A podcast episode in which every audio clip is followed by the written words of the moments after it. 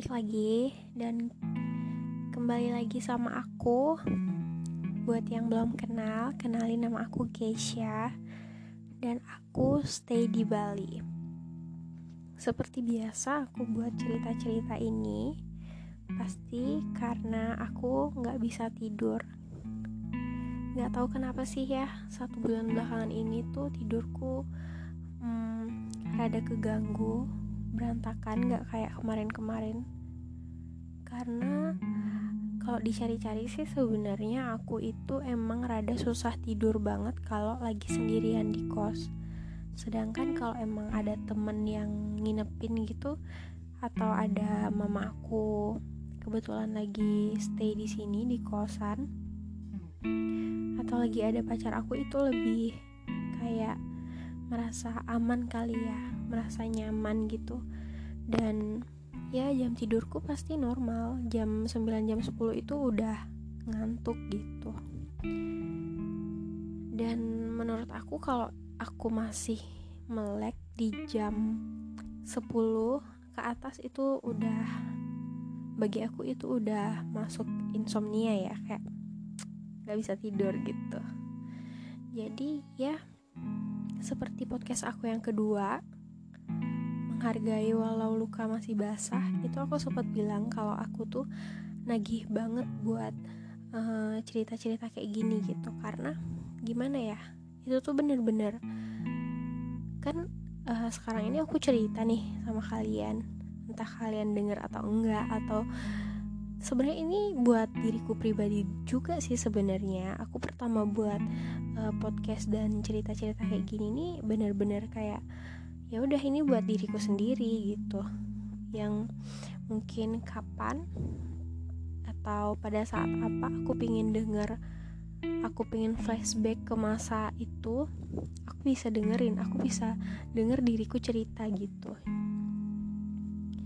Dan um, bener-bener sih bener-bener nagih banget cerita kayak gini itu bener-bener um, ngangkat beban aku jadi nagih banget gitu.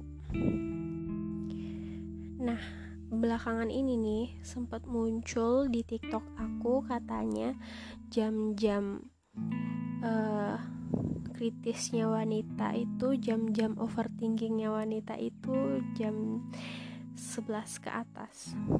Sebenarnya sih gimana ya dibilang iya emang benar iya dibilang enggak juga enggak. Karena menurut aku um, jam kritis itu jam overthinking itu nggak ada sih. Karena kalau diri aku pribadi sih ya nggak tahu orang lain aku overthinking bisa setiap saat gitu.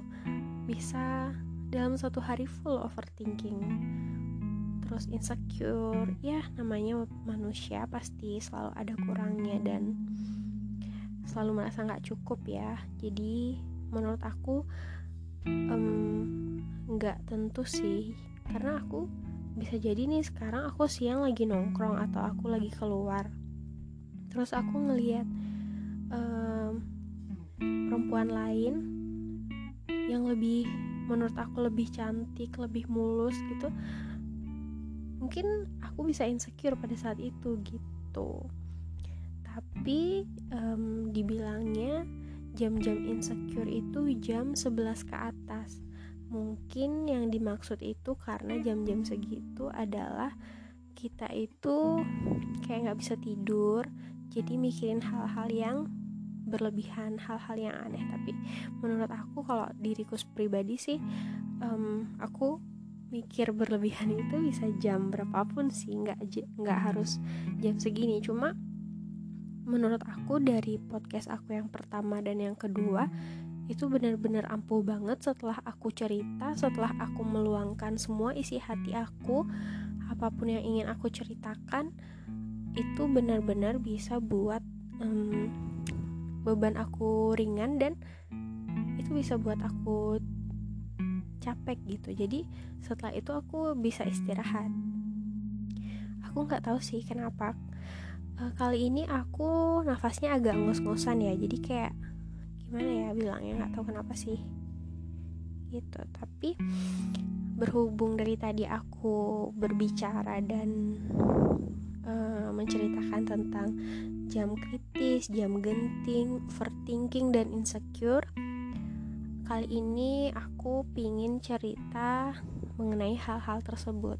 Sebenarnya sih aku emang dari kemarin itu bingung sih. Aku emang nagih kan buat podcast dan buat cerita kayak gini bener-bener cuma buat diri sendiri aja buat kayak mengingatkan ke diri sendiri kalau aku tuh pernah ada di titik ini aku tuh pernah ngerasain ini gitu dan um, kalau kalian mau tahu aku itu orang yang nggak pingin banget kehilangan satu momen atau satu memori apa pun itu. Jadi kayak misalkan aku um, hari ini sama pacarku ke tempat A.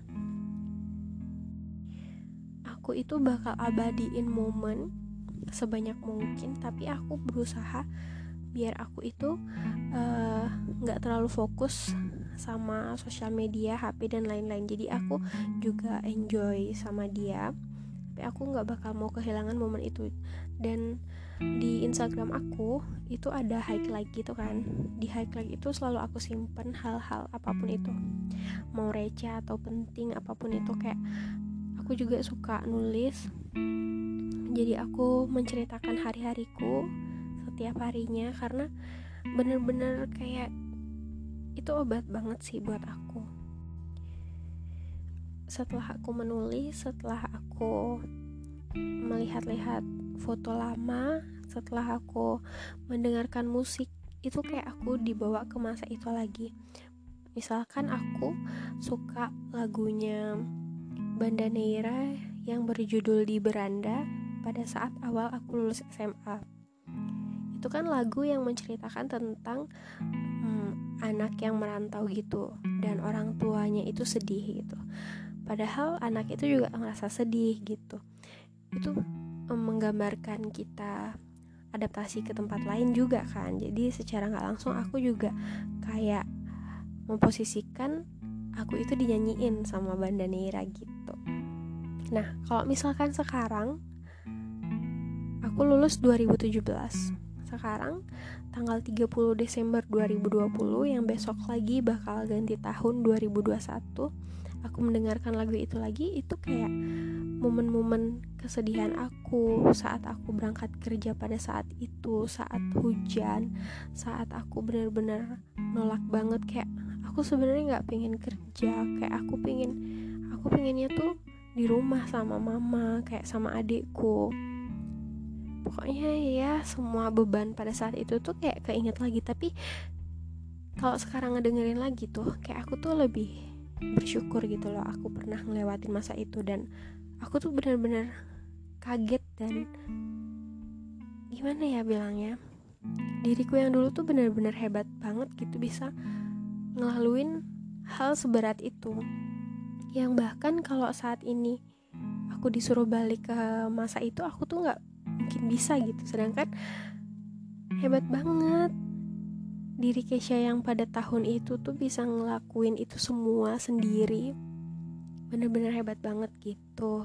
Jadi aku tuh tipe orang yang gak bakal suka dan gak akan mau kehilangan satu momen dalam hidup apa pun itu. Mau sedih mau seneng mau kecewa mau sakit berdarah-darah apa pun itu aku tuh bakal selalu simpen karena emang bener ya pada saat itu tuh aku nangis-nangis sedih-sedih terus kecewa merasa nggak punya temen bahkan pacarku sekalipun waktu itu kayak kurang support karena dia masih belum mengerti keadaan pada saat itu. Um, di situ cuma yang mengerti itu hanya mamaku dan anggrek sih pada saat itu temanku. Dan tapi mereka berdua itu cuma cuma bisa support aja gitu. Kayak nggak bisa ngelakuin hal apa pun karena yang bisa ngelakuin hal itu cuma diri diri aku sendiri gitu. Dan kalau aku ingat-ingat masa itu tuh uh, diri aku yang sekarang nih benar-benar kayak beruntung banget. Kayak pada masa itu aku dapat banyak sekali pelajaran. Dan aku nggak mungkin ada di titik sekarang kalau aku nggak ngelakuin dan aku nggak ngelewatin semua hal pada tahun itu gitu. Bener-bener suatu pelajaran yang berguna banget. Yang penting banget dan emang harus aku lakuin emang harus aku laluin semuanya itu. Kayak gimana ya aku bilangnya? Contohnya nih aku lulusan SMA Gak mungkin dong aku ngelamar kerjaan langsung seketika jadi HRD atau manajer gitu. Aku harus ngelakuin dari hal yang terendah dulu untuk ada di step atasnya lagi gitu loh. Jadi kayak bener-bener hidup tuh nggak segampang itu. Kita harus sebenarnya buat mimpi itu gampang banget cuma yang paling susah itu bertahan di mimpi itu bener-bener kayak ya susah banget kalian harus berjuang untuk ngegapai satu mimpi yang kelihatannya mudah banget orang lain gapai kalian belum tentu bisa. Tapi kalian bisa kalau kalian selalu bertahan dan harus bisa ngel ngelaluin hari demi hari. Tetap positive thinking dan aku yakin sih kalian bakalan bisa ngelaluin semuanya itu. Btw ini aku udah um, berhentiin voice-nya berkali-kali karena kayak nafasku tuh ngap-ngapan gitu loh. Kayak entah aku grogi karena aku nggak ada persiapan. Ini bener-bener nggak ada teks nggak ada apa ya. Jadi kayak ngalir aja gitu. Apa yang ada di otak aku aku keluarin gitu. Dan yep balik ke topiknya. Jadi kali ini aku tuh bakal ngebahas tentang uh, insecure, overthinking dan seputaran itu. Nah, um, jadi dulu aku ceritain dari awal dulu ya. Dulu aku punya masa lalu yang uh, dibilang lumayan lama sih ngejalaninnya. Dan terus um, maaf banget nih kalau pacar aku denger aku nggak bermaksud untuk ngebahas hal-hal yang sudah lampau karena ini um, menyangkut masalah perasaan aku udah clear aku udah selesai. Cuma maksudku aku udah clear dan selesai itu perasaanku ke dia ya. Jadi aku di sini hanya berniat untuk menceritakan saja.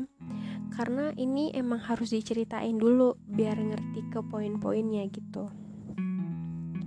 Nah, jadi dulu aku itu um, punya masa lalu sebelum sama pacar aku yang sekarang itu terbilang cukup lama. Jadi dia itu pacar pertama aku pada saat aku naik SMP dan ya lumayan lama.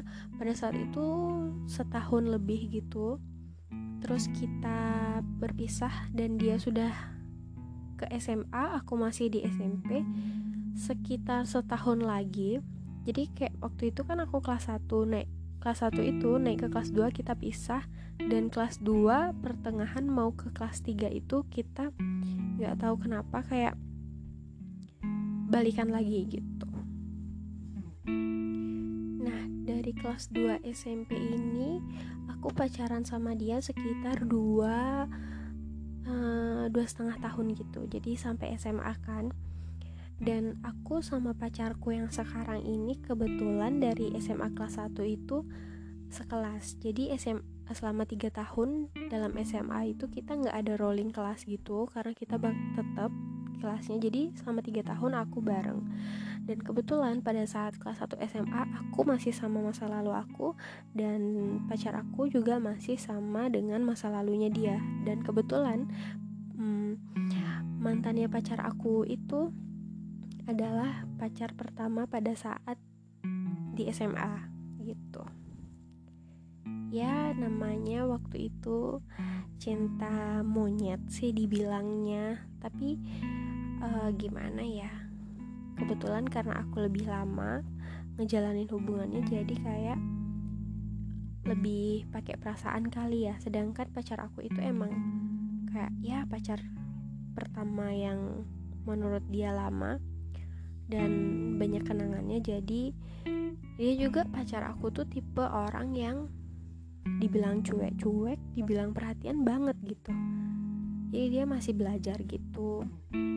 Karena uh, dia itu orangnya dibilang kekanak-kanakan iya dibilang dewasa juga iya gitu. Jadi gimana sih bilangnya? Nah setelah itu uh, mantan aku itu kan mau mencari universitas. Mau kuliah dia nih. Dan di situ posisinya aku masih kelas 1 kan. Mau naik ke kelas 2 deh kayaknya. Terus si pacar aku yang sekarang ini ada konflik sama mantannya. Jadi dia udah gimana ya pokoknya aku nggak mau menceritakan itu karena aku sama pacar aku uh, sudah mempunyai planning untuk kita membuat podcast berdua tanya jawab kayak gimana dari awal kita bertemu gitu. Jadi nanti bakalan aku upload ya karena kita belum sempat buat. Nanti ceritanya di sana. Nah pada saat itu mantan eh pacar aku ini uh, sudah putus dengan mantannya pacar pertamanya di SMA dan aku itu masih kayak ngegantung gitu hubungannya sama mantan aku karena uh, pada saat itu dia awalnya ngajak aku break. Dan menurut aku pada saat itu dia itu orang terbaik dalam hidup aku karena dia itu uh, sebenarnya baik. Cuma emang dibilang caranya dia menyayangi aku salah juga enggak. Karena emang sifat manusia itu kan tiap orangnya beda-beda ya. Jadi aku nggak bisa terima gitu dengan cara dia menyayangi aku. Dan aku baru sadarnya itu setelah dia ngajak aku break dengan alasan dia mau fokus ke perguruan tinggi nah pada saat itu aku galau dong kayak nangis-nangis gitu. Dan di sana aku kayak suka ngupload lagu galau gitu ke line. Dan pacar aku yang sekarang suka kayak nge-like nge-like gitu loh. Terus um, di sekolah uh, pacar aku yang sekarang ini kayak ngejekin aku gitu. Dia bilang eh galau mulu gitu. Kayak aku nggak ngerespon karena perasaanku masih utuh ke mantan aku kan kayak nggak macem-macem. Cuma emang aku itu kalau temenan sama cowok nggak nggak jaim gitu loh. Jadi kayak ya udah biasa aja. Nah pada saat itu um, aku itu sebenarnya dari SMP udah bareng sama pacar aku cuma beda kelas. Dan pacar aku yang sekarang ini kayak di kelas unggulan pada saat SMP kayak aku itu di kelas yang di bawah kayak nakal gitu loh. Nah SMA-nya kan kita sekelas nih. Jadi kayak sekedar saling sapa hai dan ya basa-basi gitu aja. Nggak kayak pernah kumpul jalan bareng gitu nggak. Nggak tahu kenapa pada saat kelas 2 dia itu malah nyamperin ke tempat duduk aku dan sama teman-teman aku. Jadi dulu kan SMA aku berempat kan. Nah dia nyamperin ke teman-teman aku kayak curhat-curhat gitu. Menurut aku pada saat itu eh, mantannya dia pacar dia pacar pertama dia di SMA itu adalah tipe cewek yang kayak manis gitu. Jadi dilihat itu manis. Nggak tahu ya kak kalau dari dekat jadi kalau dari jauh tuh suka aja mandangnya gitu loh kayak cantik gitu. Nah uh, jadi semua temen nanya kan eh kenapa putus? Kenapa putus? Gitu. Dan secara nggak langsung dan gimana ceritanya aku juga nggak tahu sih kenapa dia bisa tiba-tiba kayak curhat ke teman teman-teman aku dan tentunya aku.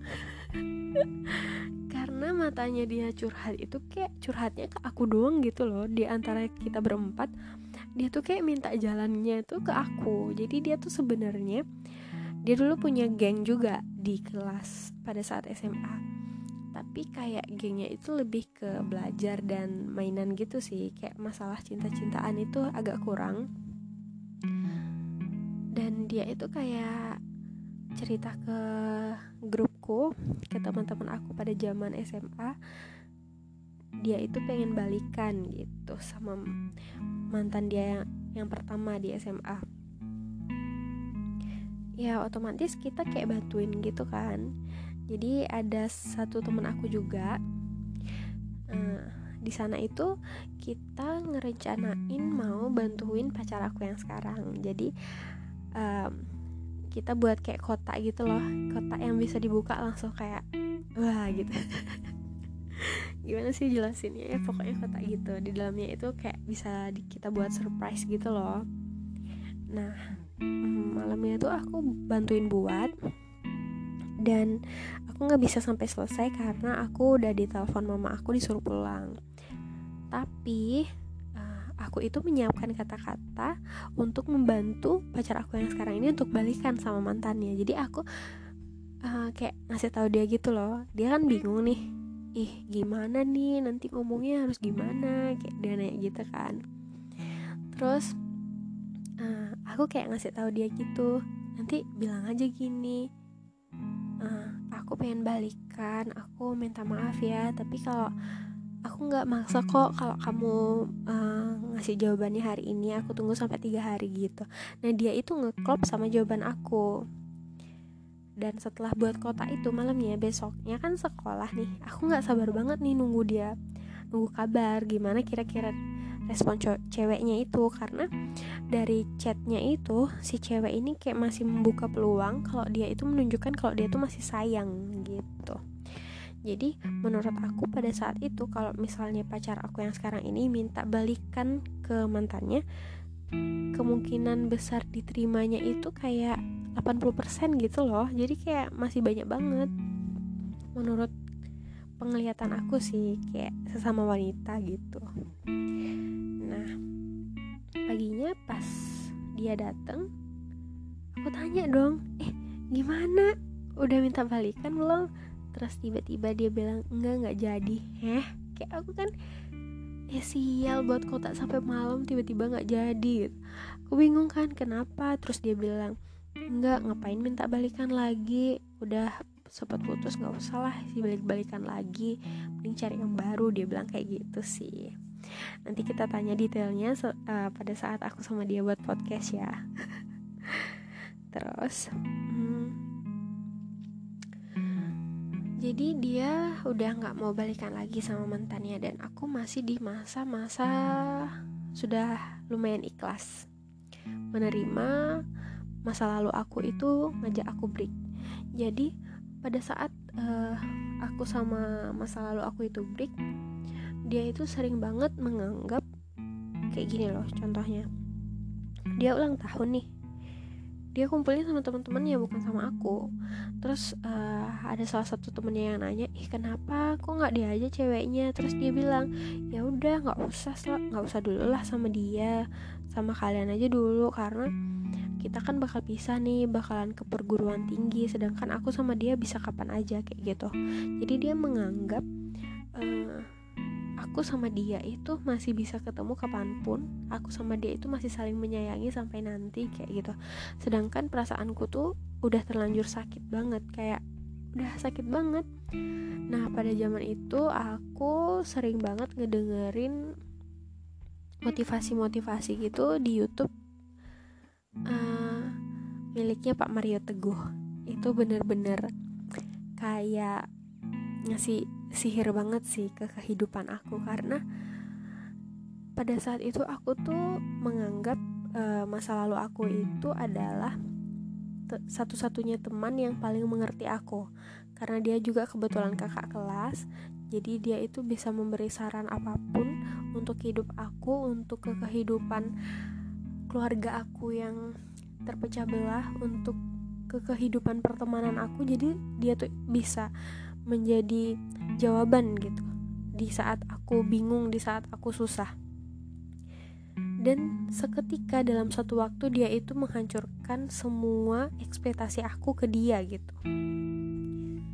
Nah pada saat itu aku tuh suka banget ngedenger ngedengerin motivasi eh, motivasi-motivasi dari Bapak Mario Teguh. Dan kayak bener-bener aku tuh dulu yang dulunya cinta banget yang dulunya aku sayang banget yang aku nangis nangis nggak mau nggak mau ditinggal nggak mau eh, nggak mau putus dan nggak mau hal-hal buruk terjadi pada hubungan kita kayak aku langsung oke okay, ikhlas dalam satu hari. Dan perasaanku yang dulu dibilang 100% tiba-tiba blek hilang hanya sisa 0,2%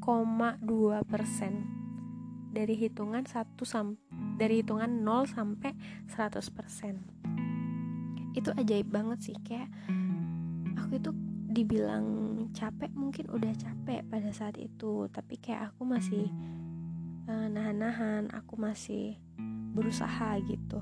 Mungkin uh, pada saat itu usahanya kayak berat sebelah ke aku doang dan mungkin kalau um, dilihat-lihat mungkin dia niatnya nggak kayak gitu. Dia orangnya emang baik cuma ya emang caranya salah. Entah dibilang caranya salah atau emang diriku yang tidak bisa menerima gitu.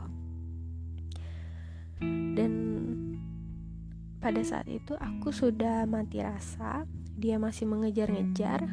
Pokoknya ya complicated banget lah masalahnya.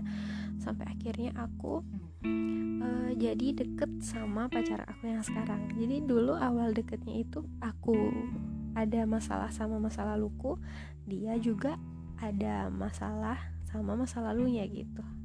Karena kita kayak sering ketemu juga karena kita kan sekelas dan sering cerita-cerita.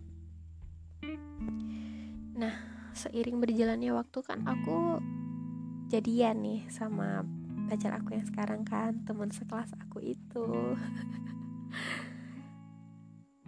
Dua tahun awal hubungan aku sama dia berjalan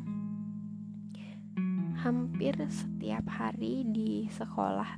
Dua tahun ya hitungannya de dari kelas 2 sama kelas 3 hampir setiap hari di sekolah aku berantem sama dia karena aku cemburu nggak jelas gitu loh sama mantannya jadi kan mantannya yang dulu tuh kan satu SMA juga sama kita kan. Cuma dia beda kelas. Bahkan setiap mantannya lewat pun depan mata kita aku tuh kayak langsung marah-marah gitu. Kayak nggak sehat banget sih. Aku juga nggak bisa ngejelasin kenapa. Bahkan di buku diari aku zaman SMA ya ada berapa buku? Sekitar ada empat buku semua halamannya membahas tentang mantannya dia. Kayak aku tuh setiap hari tuh cemburu woi. Kayak setiap perlembar dalam diary aku tuh isinya dia doang kayak gitu. Jadi dulu aku tuh se-insecure itu. Nah perlu aku jelasin juga ya. Jadi dulu aku tuh berat badannya kurus banget. Sekitar uh, 3940 kurus banget. Dan aku ngerasa uh, mantannya pacarku itu ideal pada saat itu. Jadi kayak aku insecure aku aku sadar aku cantik.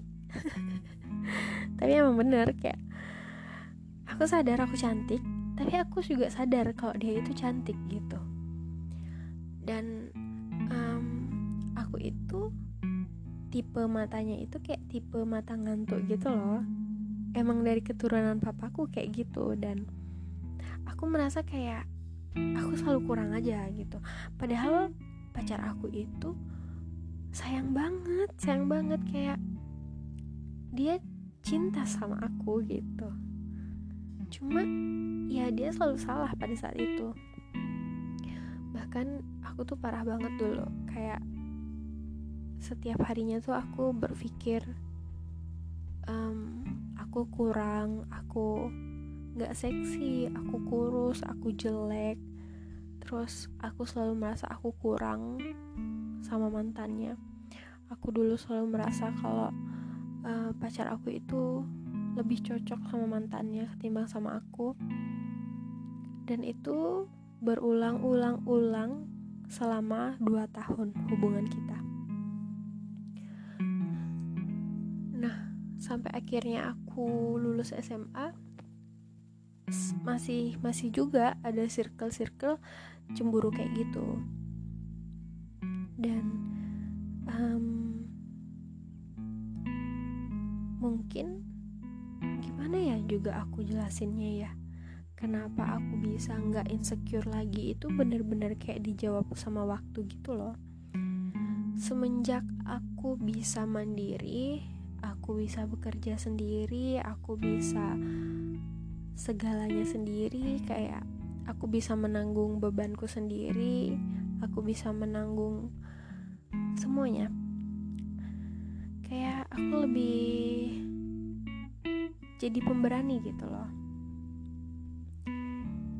Aku berpikir um, oke okay, aku lebih dari dia kayak gitu sebenarnya ini juga nggak boleh ya karena semuanya punya sisi negatif dan sisi positifnya masing-masing. Dia punya kekurangan aku punya kekurangan. Dia punya kelebihan aku juga punya kelebihan. Cuma pemikiran aku yang lebih percaya diri ini benar-benar menyelamatkan aku sama pacar aku ke hubungan yang lebih positif. Aku nggak bilang kalau aku toksik sama mantan eh sama pacar aku cuma gimana ya?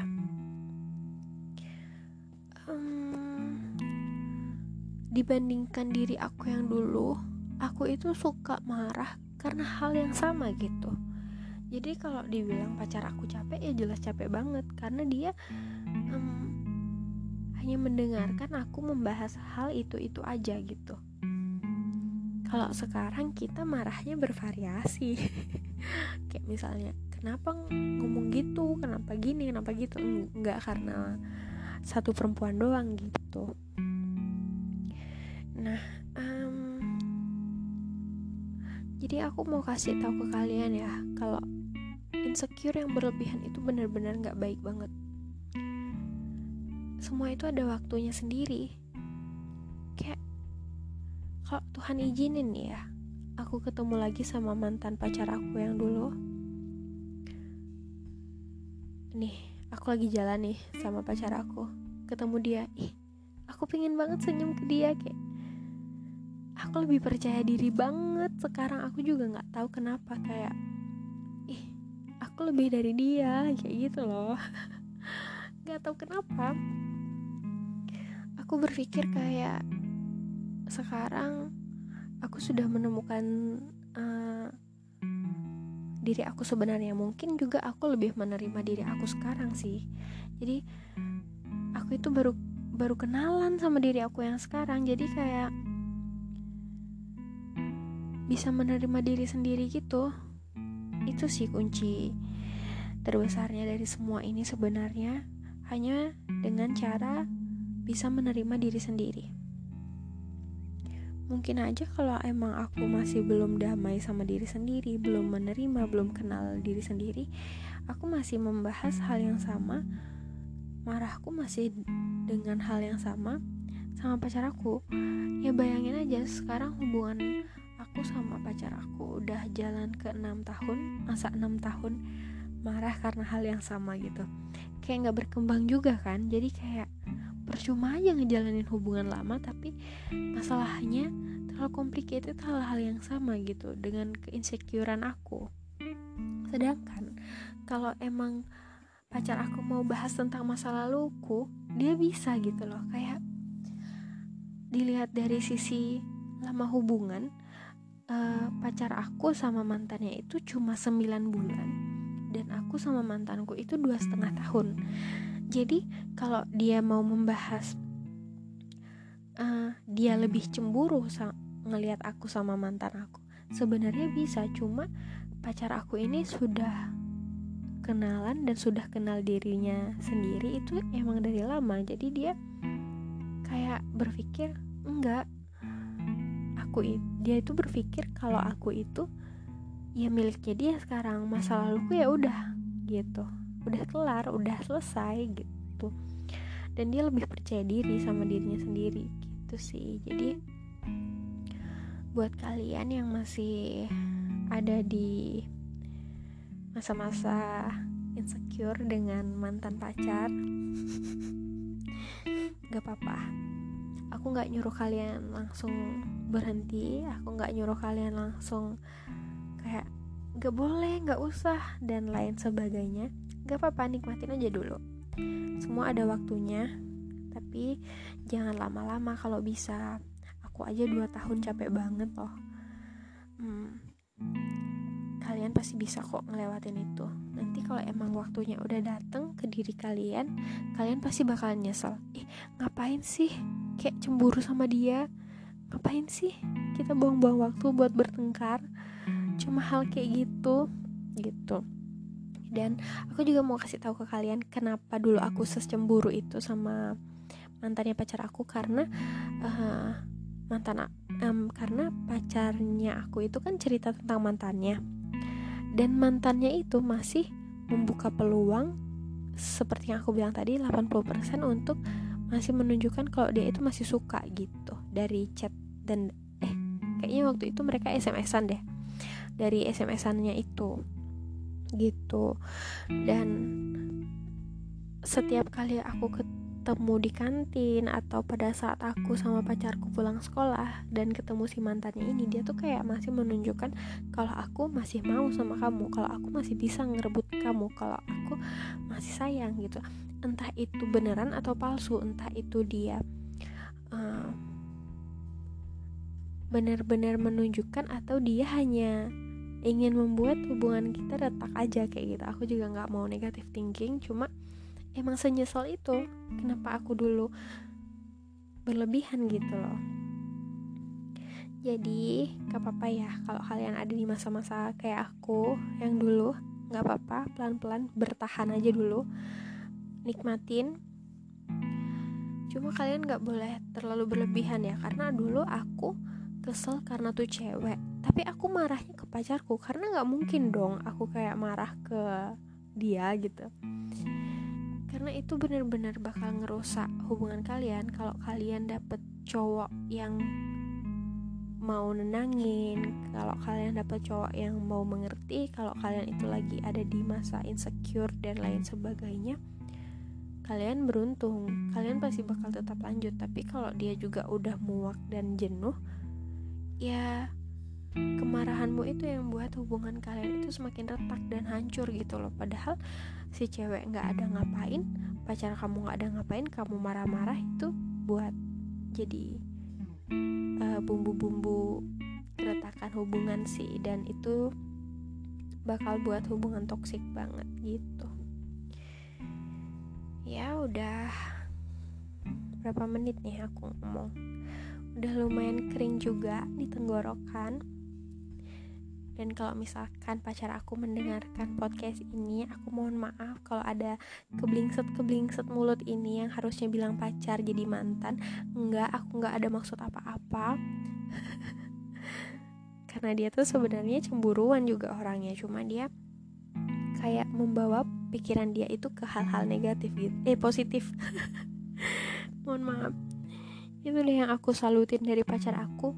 Dia itu orangnya positif banget gitu loh. Dia kayak sebenarnya kalau dia mau negatif thinking kalau dia mau overthinking dia bisa. Cuma dia nggak mau ngebebanin diri dia dengan hal-hal buruk kayak gitu gitu loh. Itu sih yang aku salut dari dia. Ya udah. Segitu aja dulu podcast dari aku. Segitu aja dulu cerita ceritanya um, lain kali pasti bakal aku denger lagi ini celotehan aku untuk diri aku sendiri. Karena jujur sebenarnya ini tuh kayak pelajaran banget gitu loh buat aku. Dan yap hmm, good night. Semoga kalian mimpi indah tidurnya nyenyak. Uh, karena ini mataku juga udah lumayan sepet dan OTW mau tidur? Ya udah kita lanjut ke podcast berikutnya nanti. Oh iya satu lagi. Besok sudah tanggal 31 Desember 2020 dan sudah mau berganti tahun jadi 2021 semoga di tahun 2021 corona ini cepat mereda. Dan tentunya khususnya buat Bali semoga cepat pulih. Uh, destinasi wisata semua hal pokoknya itu dibangkitkan lagi perlahan-lahan sama Tuhan. Jadi yang merasa kesusahan dibantu semoga cepat pulih aja sih negara ini. Gitu ya. Oh ya semoga kalian juga mendapatkan apa yang kalian mau pada tahun baru. Semoga kalian menjadi pribadi yang lebih baik gitu. So bye